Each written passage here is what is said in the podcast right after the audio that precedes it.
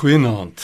Die evangelie van Johannes verskil van die ander evangelies onder andere in die sin dat hy nie bloot 'n historiese weergawe van Jesus se lewe wil gee nie. In sy evangelie neem Johannes ons op 'n ontdekkingsreis.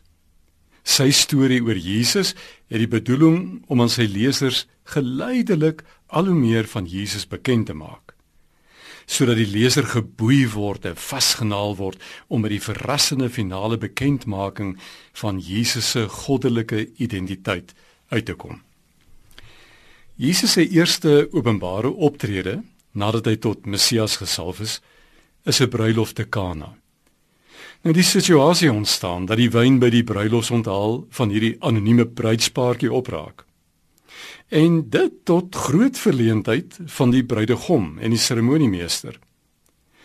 Jesus se ma sien wat aan die gebeur is en lig Jesus in oor die stand van sake. Hy gee toe opdrag dat die klipkanne wat vir rituele doeleindes gebruik is, vol water gemaak moes word.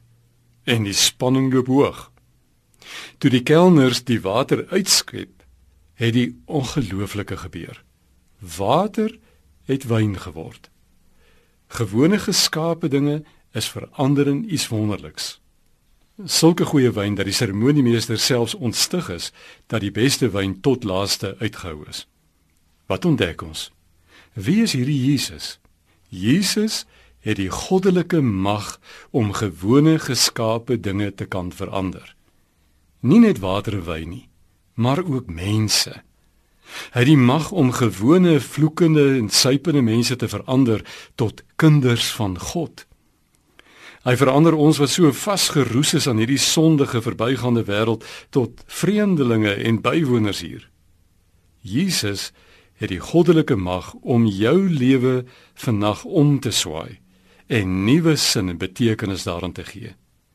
Jy moet hom net glo en vertrou en jy sal die wonderwerk in jou lewe sien gebeur.